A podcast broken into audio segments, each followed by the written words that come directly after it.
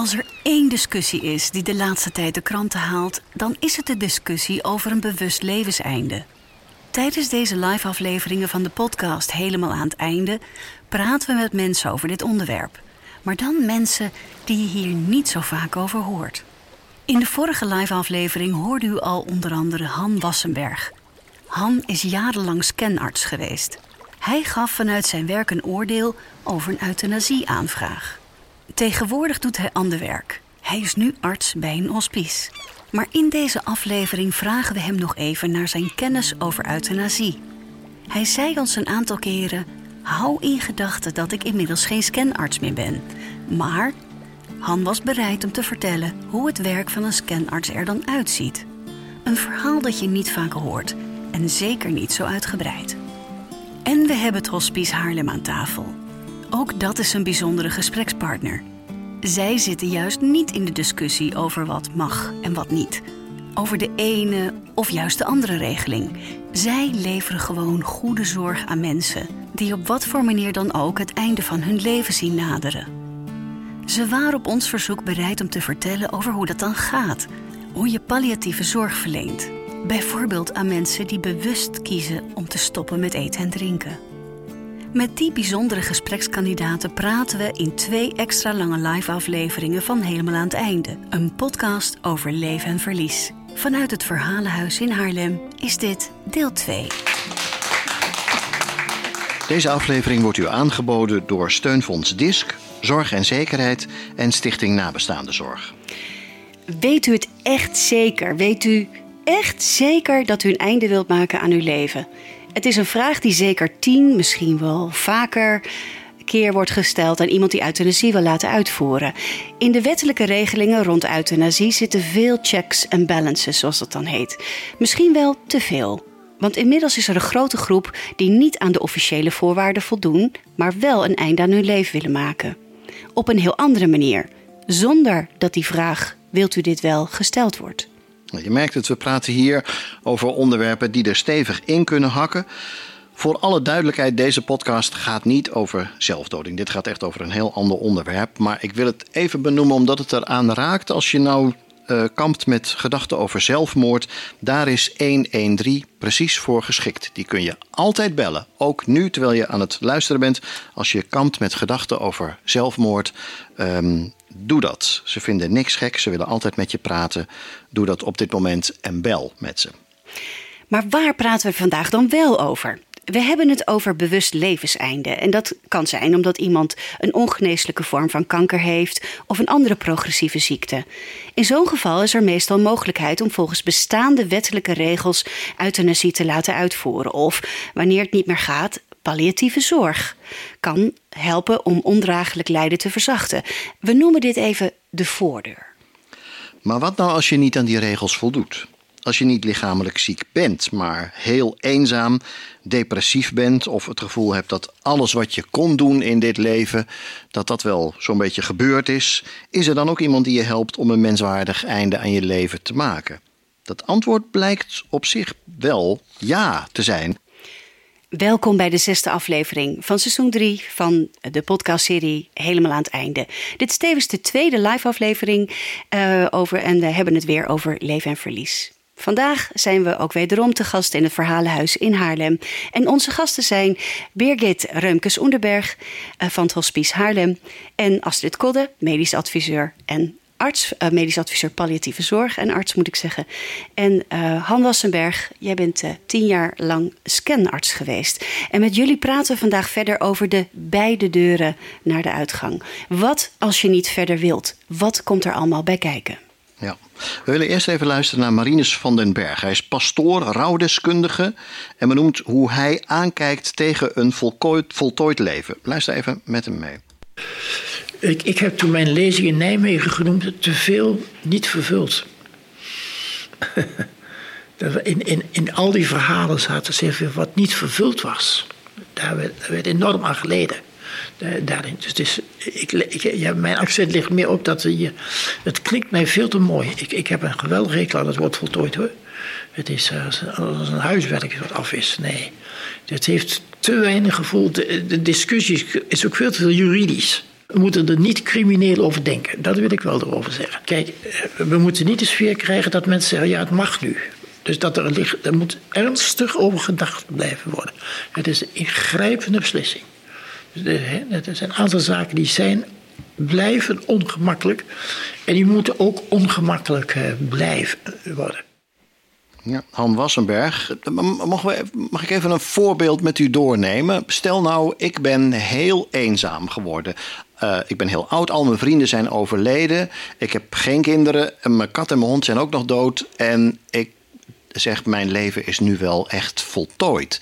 Ik wil er een einde aan maken. En dat komt via mijn huisarts, begrijp ik inmiddels. Komt dat ook bij u om dan te controleren: gaat dit wel goed zo? En die huisarts die zegt: Ja, Richard heeft gewoon gelijk. Wat zegt u dan? Nou, als ik die eh, persoon voor me krijg en ik ken hem niet, dan wil ik die persoon eerst heel goed leren kennen. Dus dat houdt in dat ik een hele hoop, een heel aantal gesprekken met die persoon zou willen hebben. Mhm. Om inzicht te krijgen in wat precies de reden is van, uh, van zijn situatie, van, zijn, waarom de, uh, van waaruit hij die doodswens heeft. Ja. Dat is al jaren zo. Dus dat gaat al meer dan tien jaar zo. Ja, er zijn, een, er zijn mensen die, die inderdaad die op een gegeven moment met, uh, dan, uh, die, die erbij komen en die inderdaad alles al geprobeerd hebben. Dus die bij psychiaters gelopen hebben, die uh, alles, alle paden die er zijn bewandeld hebben en die op een of andere manier gewoon dood willen. En dat kan zijn met een zwaar accent op voltooid leven, of ik begrijp dat ik ook moet denken aan een niet afleven. Mhm. Of een, een, leven waar een aantal dingen te, uh, niet geweest zijn. Dat is wat we net gehoord hebben. Hoe dan ook, wat ook de redenen zijn, als iemand een oprechte doodswens heeft, die, die die echt ingevuld wil hebben, dan is altijd de weg aanwezig om dat te doen via bewust stoppen met eten en drinken. En dat is iets anders dan euthanasie, hè? Dat is wezenlijk anders dan euthanasie. Ja, want daar voldoe ik eigenlijk, even voor alle duidelijkheid, wettelijk gezien, voldoet deze situatie niet aan die regels. Nee. Maar, maar dan? Euthanasie, dat is, is gewoon een afspraak die we hier in Nederland zo geregeld hebben. Als je een aantal voorwaarden voldoet, dan kan een dokter met je meegaan en jou doodmaken. Dat, is, uh, dat kan die, ongeacht het lijden, uh, het is een dealtje tussen de dokter en de patiënt. Als die dokter er helemaal mee kan, uh, wil gaan, dan, dan doet hij dat. Bij bewust stoppen met eten en met drinken neem je eigenlijk zelf de regie. Dus de patiënt, de gast of de patiënt, neemt die wil dood.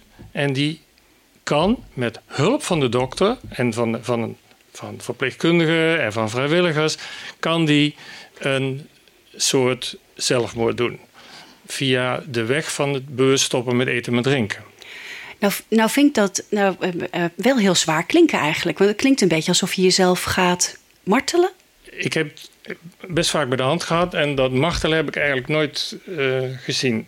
Okay. Nee, je moet je het voorstellen, als ik het even technisch dan moet toelichten. Graag. Mm -hmm. Iemand die um, komt om te, we noemen het ermee versterven, uh, dus het uh, doodgaan door het niet meer drinken. Die nou ja, die uh, krijgt op een gegeven moment, daar ga je een dealtje mee sluiten. Die komt dus uh, bij de dokter en die dokter zegt, we kunnen een deal sluiten. Dus u wilt absoluut, u wilt echt dood.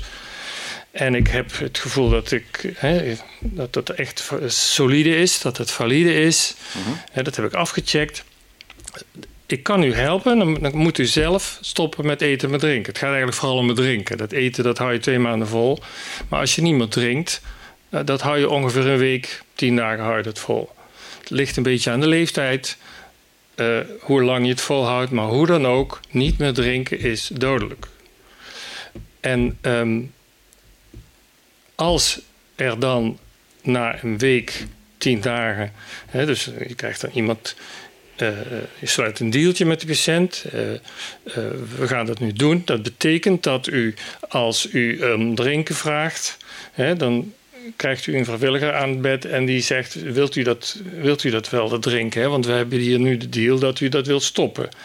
U mag altijd stoppen, maar u hebt ons gevraagd om u te helpen met het niet meer drinken. Nou, er is wel een verpleegkundige handeling. Dat is het bevochtigen van de mond en het verzorgen van de mond. Heel, je mag dat uh, heel uitgebreid doen. En dat neemt de belangrijkste, de belangrijkste klacht die ontstaat door het niet meer drinken... is mondverschijnselen. Je neemt dat een beetje weg. Je lippen uitdrogen. Ja, lippen uitdrogen. Je kunt ook diffuse pijnklachten krijgen. Daar kan je bijvoorbeeld morfine voor geven of een ander middel. Uh, je kunt ook verward raken. Daar kun je ook iets aan doen om het comfortabel te houden dan.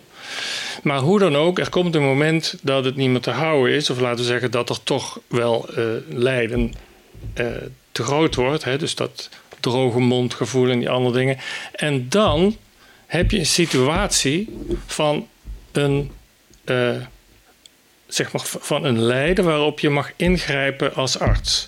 Je mag, als er een situatie komt van lijden wat te veel wordt, mag je een patiënt palliatief sederen. Dus dan mag je de patiënt in coma, of althans in een diepe slaap brengen, waardoor die zijn dorstgevoel en zijn verwardheid en zijn pijn niet meer voelt. Dat is zoals we het met z'n allen hebben afgesproken. Dus je trekt de kar eerst zelf als, als patiënt. je stopt met drinken, je krijgt daardoor dorst, je krijgt steeds meer dorst. En op een gegeven moment, als dat allemaal te erg wordt, dan zeg je van, nou, dit is een ondraaglijke situatie. Nou, mag ik sederen. En daar zijn, en daar zijn regelingen voor. Ja, want een ondraaglijke situatie, daar mag je op ingrijpen. En dan ja. mag je iemand palliatieve zorg leggen. En op het moment dat je hem gaat sederen, dan kan je ervan uitgaan dat, uh, laten we zeggen, de beleving van, de, van het ongemak, dus de beleving van de mondverschijnselen, van de pijn of van de verwarring, die zijn er niet meer. Je moet iemand diep sederen, dus je brengt hem als het ware in een soort coma. Dat is in het ziekenhuis, als je een ingreep krijgt, daar ben je niet meer bij. Nee. Dus die patiënt die, die is zich dan niet meer bewust van van de verschijnselen waar, waarin een wakker iemand zou lijden. En Astrid, het is eigenlijk uh, uh, uh, jij als adviseur palliatieve zorg Nederland, als ik het zo even mag zeggen, wel echt iets waar jij veel mee te maken krijgt, denk ik. Hè? Hoe, hoe, um, hoe gaat dat in de praktijk bij jou, wat Han nu schetst? Ja, kijk, ik, ik onderschrijf wel wat, wat Han vertelt. Hè. Als, als mensen ehm, graag willen dat hun leven eindigt en uh, ze hebben besloten te stoppen met eten en drinken. Ja, eh, het is als arts altijd um, ja, je taak en, en, en daarvoor ben je arts om het lijden te verlichten. En als tijdens dat traject dus lijden ontstaat, dan wil je daarbij ook die patiënt helpen. En daarbij is palliatieve sedatie wat mij betreft een soort rug tegen de muur symptoomverlichting. Um, je wil graag dat mensen niet lijden, maar als mensen heel erg gedorst hebben en daardoor lijden. En het enige wat die dorst weg kan nemen, gaan drinken is. Maar dat is geen behandeloptie, want dat heb je afgesproken dat je dat niet wil. Ja, dan, dan is er gewoon niks anders wat je kan doen dan uh, het bewustzijn van die persoon verlagen door de sedatie te starten. Want je kunt mensen niet dwingen, bijvoorbeeld als je ze uh, in coma brengt, dan kun je ze een infuus geven en dan krijgen ze weer vocht. Ja, maar als mensen hebben gezegd er zijn behandelingen die ik niet wil, mm -hmm. dan mag je die niet geven. Hè? Um, Maak je een goede kan het hun leven ja. redden? Ja, ja maar um, uh, als iemand een, uh, uh, heeft vastgelegd en, en, nadrukkelijk herkenbaar heeft gemaakt dat hij bepaalde behandelingen niet wil, en of dat nou gaat om een reanimatie, of het gaat om een operatie, of een chemotherapie, of het eten en drinken. het is een medische behandeling om iemand tegen zijn wil in vocht of voeding te geven, hè, een infuus te geven of een zonde te geven. Dat zijn medische behandelingen. Mm -hmm. dat, dat mag je niet tegen iemands wil in doen. Birgit, heb jij ze wel eens in je hospice? Ja, regelmatig en bewijzen. Hoe gaat het dan? Um, nou, soms komen mensen binnen die zijn er al thuis mee begonnen in onderbegeleiding van de huisarts. Uh, maar dan op een gegeven moment wordt het toch een beetje te zwaar thuis alleen. Ook vaak voor de, de echtvrouw de, de, die ernaast nog woont. Um, want het is best moeilijk als iemand stopt met eten en drinken. Maar op een gegeven moment krijg je, wat Han ook zegt, echt wel dorst. En dan, ja, ik wil toch wel wat drinken. Ja, maar je had gezegd dat je het niet meer wilde. Dat is dan best een spanningsveld. Dus als dat thuis te lastig wordt en iemand zegt, maar ik wil het echt doorzetten. Dan zouden ze bij ons in hele goede handen kunnen zijn. Hm. En dan zetten wij dat bij ons door. En dat betekent dat we ze helpen hun wens uit te voeren. Dus als iemand dan zegt: Oh, ik heb wel ontzettend uh, dorst. En dan geef ik ze niet een glaasje water. Maar dan kom ik inderdaad met een sponsje. En dan maak ik uh, het gezicht even een beetje koel weer. En de lippen verzorgen, een beetje balsem. We hebben er ook allerlei middeltjes voor om die mond soepel te houden, zodat dat die, dat die dorstprikkel uh, toch enigszins beantwoord wordt. En dan kan iemand zo weer een paar uur verder. Dus we begeleiden ze daar uh, helemaal in. Lijkt me wel lastig als iemand anders vraagt: Ik heb wel dorst, dan krijgt hij meteen drinken. Deze mensen hebben echt dorst. Ja. En die geef je dan niks. Dat, is, dat, dat kan brengen. Dat is, dat is soms best uh, uh, lastig. Uh, maar dit is wat de, de, de gast wil. En die heeft ook heel duidelijk bij ons aangegeven: ik kom hier om te versterven. Of die zijn al begonnen of ze gaan het bij ons starten. En, als, maar als iemand heel vaak blijft aangeven: ja, ik heb ontzettende dorst. dan geven wij als vrijwilliger natuurlijk wel aan aan de huisarts: goh, deze meneer of mevrouw die, lijkt er toch misschien nog niet helemaal klaar voor te zijn. En dan volgt er weer een gesprek. Dus we, we monitoren dat heel goed, maar in eerste instantie ja, blijven we wel voldoen aan de wens. Uh, maar als iemand zes keer in een uur vraagt: Ik wil toch een glaasje water, dat is natuurlijk een signaal dat dat ja. niet zo zou zijn. Maar dat heb ik nog nooit meegemaakt. Dan is er misschien twijfel. Ja. Ik, ik, wil heel even, want u benoemt de hele tijd van: hè, we, we gaan daar met ze over in gesprek.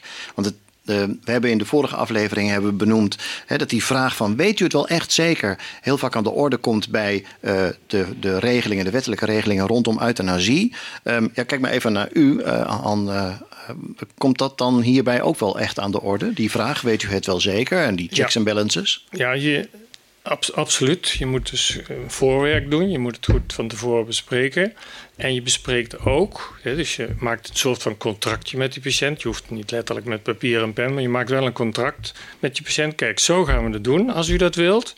van wij bieden vanaf zaterdag als we beginnen, ik noem maar iets, bieden wij u geen water meer aan. U krijgt alleen nog maar 50 cc uh, mondspray en een lippenbalsem en wat Birgit anders zegt. En um, als u toch dorst krijgt en de vrijwilliger komt erbij en u gaat vragen, mag ik niet toch een beetje drinken, dan is, dan krijgt de vrijwilliger de instructie om u te ondersteunen, om u te helpen met het niet drinken. Ja. want dat was wat u wilde. En we hebben afgesproken, dat, van tevoren, het contract, dat uh, we haar, of de patiënt bedoel ik, steunen in het niet drinken. Ja, maar is iets anders dan wat ik wilde weten. Is er nou wel echt, de, de, is er ook controle op Um, nou, waar, waar, u het eerste in de vorige aflevering over had. Hè, van, van wilt u het wel? Of wordt u vooral door familie gepusht? Hè, waarvan u zei, dit kom ik wel eens tegen. Is dat dan onderdeel ook van deze... Nou, het, het typische van bewust op met eten en drinken... is dat al die, zeg maar, die zorgvuldigheidscriteria niet meer aan de orde zijn. Dat is eigenlijk wat, wat u bedoelt. Hè? Dus alle zorgvuldigheidscriteria zoals we die uit een ziek kennen... zijn niet meer aan de orde. Dus ook iemand die vanuit een depressie dood wil, iemand die vanuit een gezondheids, iemand, iemand die met voltooid leven, vanuit voltooid levengevoel dood wil, iemand met terminaal kanker die, uh, whatever, of een jong iemand zelfs die om depressie dood, alles kan. Dat is de kenmerken van deze regeling. Er zijn geen beperkingen. Astrid, ik zie jou ook uh, knikken. Wil jij hier iets aan toevoegen vanuit jouw ervaring? Nou, um, jij vroeg zo even: eh, zijn er wel, voldoende checks en balances uh, in zo'n traject? Ik, ik, denk dat eigenlijk het kunnen volhouden van stoppen met eten en drinken ehm, is een opgave die eigenlijk zo duidelijk maakt dat dat is wat iemand wil, dat, je, dat het bijna niet meer nodig is om dat keer op keer te vragen. Want Um, stel je voor dat het onder, onder druk van anderen is uh, dat iemand zou stoppen met eten of drinken, kan iemand op het moment dat hij alleen is natuurlijk gewoon zelf wat te drinken pakken, bij wijze van spreken. Maar um, wat ik ook wel belangrijk, want wat, wat Han net schetst is, hè, eh, stop met eten en drinken is een optie voor iedereen. Um, ik denk wel dat het heel belangrijk is om het onderscheid te maken tussen mensen die al heel erg ziek zijn uh, en op een gegeven ogenblik zeggen van nou uh, ik stop wel bewust met eten en drinken, omdat het stuk wat voor mij ligt uh, mag korter worden, zeg maar. Mhm, ja, mensen die bijvoorbeeld een uitgezaaide kanker hebben of een andere uh, ziekte en denken: dit, dit, ik wil het einde niet afwachten.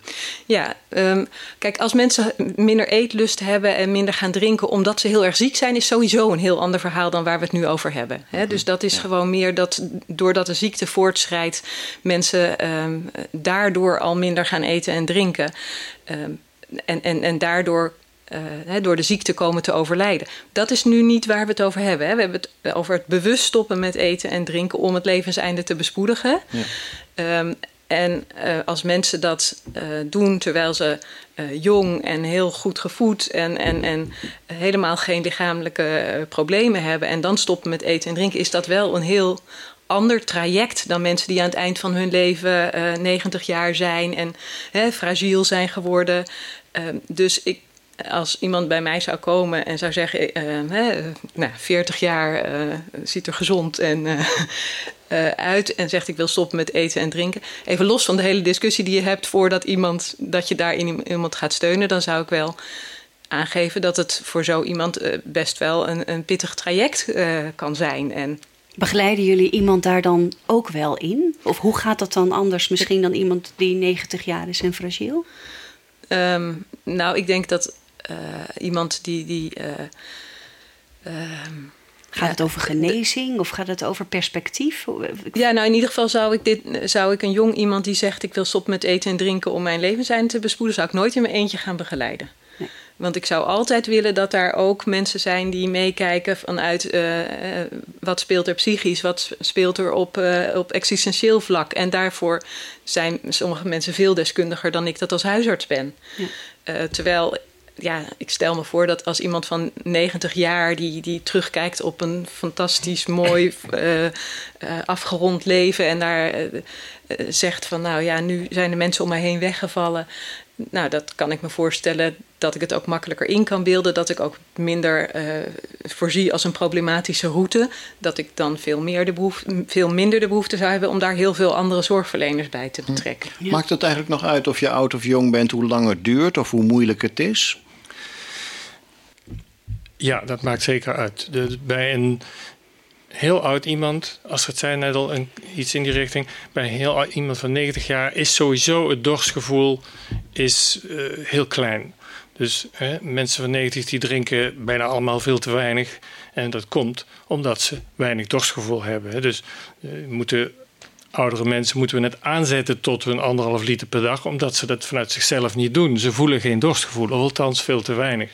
Dus bij hele oude mensen is het sowieso geen probleem. Ik zie, je ziet ook als ze zelf deze kar gaan trekken, dat die dat veel makkelijker doen dan mensen die wat jonger zijn. En ik heb geen ervaring met mensen die heel jong zijn om dit te doen. Ik moet zeggen, het waren allemaal boven de 65. En bij die mensen speelt dit allemaal al een beetje een, een rol. Hè? Dus dat verlagen, dat verminderen van het dorstgevoel. Ja, dus het maakt wel degelijk uit. Bij een jong iemand, maar als het, het is een kar die zelf trekt. Hè? En iemand die die kar gaat trekken, die moet zeer gemotiveerd zijn. Die moet zeer gemotiveerd zijn. En die zal er ook een dag heel erg lijden voor over hebben. Want die lijdt al heel lang aan allemaal andere dingen. Anders zou die dit niet willen. Nee.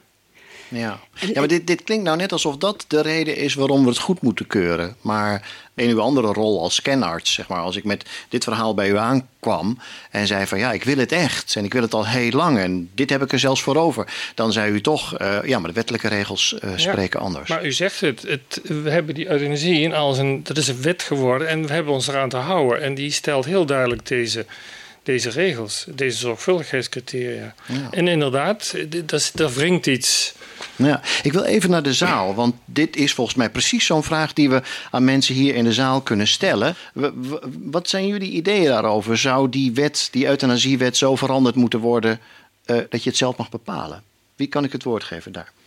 Ja, een groot verschil is wel dat uh, in het geval van de euthanasie iemand anders jou doodmaakt. En we bewust stoppen met eten en drinken, doe je dat zelf.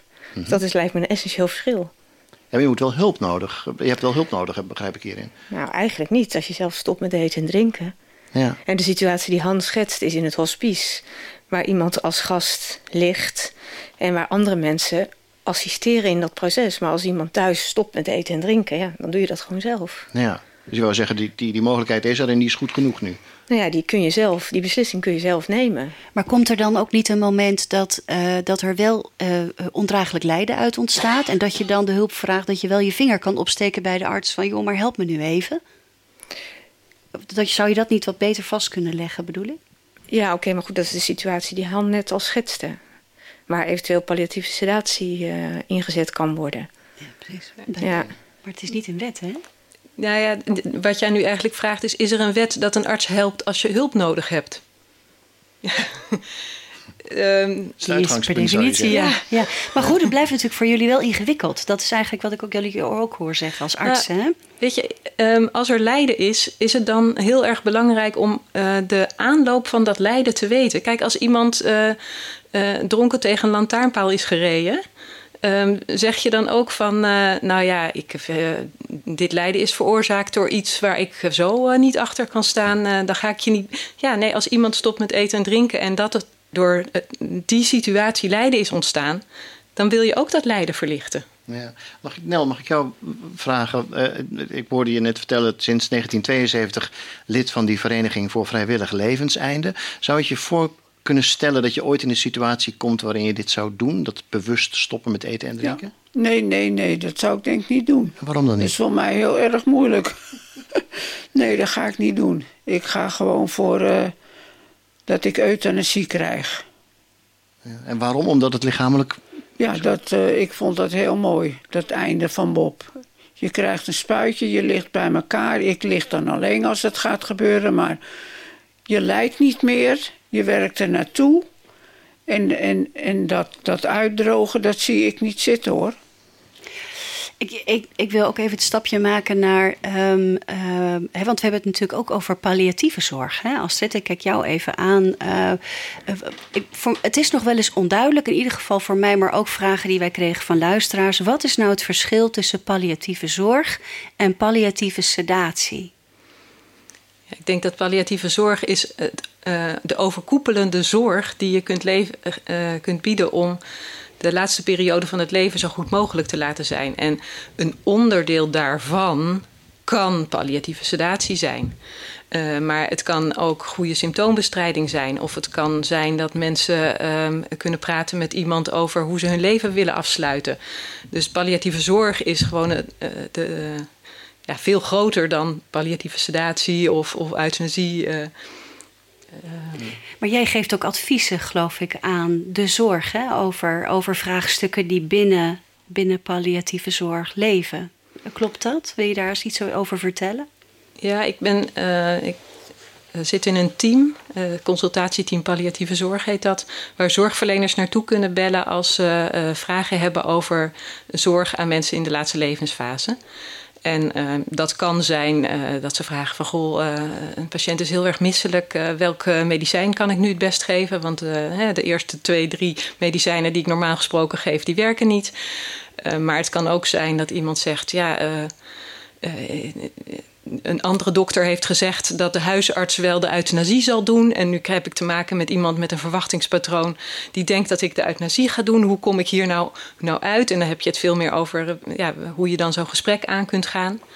Maar ook wel eens uh, verpleegkundigen die bellen en zeggen: Nou, ik vind dat de arts hier eigenlijk geen goede zorg biedt. Maar als ik dat probeer aan te kaarten, dan vang ik bot. Hoe, hè, hoe, hoe kan ik nou toch goed voor deze patiënt zorgen? Dat zijn echt ja, heel veel verschillende vragen. En dan proberen wij die zorgverlener uh, ja, te helpen om de, zo goed mogelijk toch zorg te kunnen bieden. En hoe zou het uh, zorgverleners kunnen helpen dat wij, wij allemaal, uh, mensen in de zaal, maar wij thuis, wat eerder het gesprek met elkaar aangaan over, over levenseinde eigenlijk, over onze wensen? Ja, ik, ik, ik denk dat je daar bij wijze van spreken niet vroeg genoeg mee kan beginnen. uh, ik denk dat het heel belangrijk is om uh, uh, na te denken van... ja, wat, wat vind ik belangrijk in het leven? Welke zorg past daar wel en niet bij? En dat ook eh, te delen met de mensen om je heen. En ehm, je ideeën daarover eh, te, ja, te, te bespreken met... ook met de zorgverleners om je heen, hè, dus met je huisarts. dat, je, dat je aan kunt geven ehm, nou ja, als ik in een situatie van ondraaglijk lijden kom, dan, uh, hè, dan, dan zou ik uh, met, met jou willen praten over euthanasie. Kan dat? Uh, en daarin is het denk ik heel belangrijk dat je respect hebt voor elkaars ideeën. Hè, ook tussen de patiënt en de naaste. Want het kan natuurlijk ook zo zijn dat, dat mensen emotioneel het gewoon heel erg moeilijk vinden om afscheid van iemand te nemen. Terwijl rationeel diegene heel goed begrijpt dat hij uh, ja, het leven wil beëindigen. Maar dan moet je wel gesprekken hebben om dat rationele en emotionele allebei een, ja, een plek te geven. Ja. Ja, precies. En het moet kunnen. Hè? Ik, ik, ik zat net te denken van als ik nou Tweede Kamerlid uh, was en ik zou naar deze podcast luisteren. En ik kom er dan achter van ja, eigenlijk is die hele euthanasiewetgeving is de voordeur, maar er is ook een achterdeur en daar wordt het best druk. De, de eerst even de vraag, uh, Han Wassenberg, weten die mensen dat wel eigenlijk? Nou, het, het, het hele, het hele Um, de hele mogelijkheid van, van stop met drinken is, is er eigenlijk al 15 jaar ongeveer. En eigenlijk al veel langer ik, zie niet dat het heel, ik zie het niet heel erg.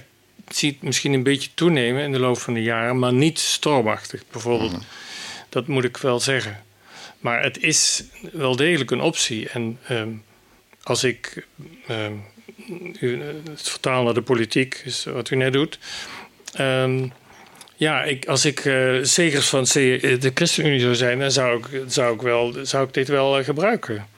Uh, bij wijze van spreken. Want D66 wil nu een nieuwe, liberalere euthanasiewet uh, brengen. En, en, dat geeft nu al, al, een hele hoop gedoe in de, in de, in de formaties. Ja.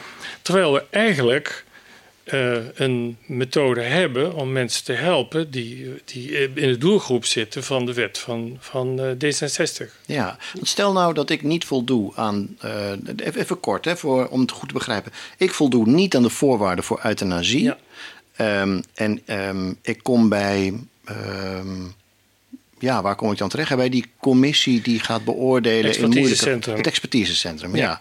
We, uh, zouden die me dan vertellen van, oh ja, trouwens, er is ook nog een andere methode, of doen ze dat niet? Ja, dat heb ik een paar keer meegemaakt, keer of twee, drie. Dus dat, ik, dat er een, iemand kwam naar het hospice in Haarlem, mm -hmm. die eigenlijk verwezen was door het expertisecentrum. Astrid, Astrid. Ja, ik, ik denk dat dat uh, zo even in het publiek gezegd werd. het essentiële verschil tussen euthanasie en stoppen met eten en drinken is. Um, uh, wie, wie, hè, bij euthanasie vraag je iemand anders om je dood te maken. En je wil voorkomen dat daar misbruik van gemaakt wordt. Je wil niet dat er mensen doodgemaakt worden waarbij niet aan die zorgvuldigheidscriteria wordt voldaan. Nee. Ik denk dat we het vooral lekker zo moeten houden. En niet in een wet gaan vervatten. Want de wet heeft ook allemaal nadelen. Er is geen enkele wet zonder nadelen. En de euthanasiewet heeft ook nadelen. En we hebben het nu goed afgeregeld ten bate van de patiënten die die doodswens hebben. Het moet gewoon zo lekker zo laten. En geldt dat eigenlijk ook voor alle checks en balances en regelgeving rond de palliatieve zorg? Of palliatieve sedatie, in het eh, bijzonder? Nou, daar hebben we het nog niet over gehad eigenlijk. Nee, hè? Maar, nee, uh, maar ik, ik, ik bedenk hem dat ik denk, ja, dat is natuurlijk iets minder uh, vastgelegd. Maar dat is weer wat anders. Hè? Dat is niet mhm. levensverkortend. Mm Dat is eigenlijk gewoon een manier, een medische handeling die je doet om mensen die, wat ze dan noemen, refractair lijden hebben. Dat wil zeggen lijden waar we geen antwoord meer op hebben, geen behandeling voor hebben. Dat je die mensen helemaal op het einde van hun leven, als ze maar een levensverwachting hebben van 1 tot 2 weken, dat we die mogen sederen. Sederen is in komen brengen. Dus mensen die terminaal ziek zijn, die nog maar korte leven hebben, 1 tot 2 weken, die ernstig lijden, waar we redelijkerwijze niks aan kunnen doen, die mag je sederen. Net zo, hè, die mag je in coma brengen en dan leven ze, dan leven ze in, de, in de regel nog maar een paar dagen.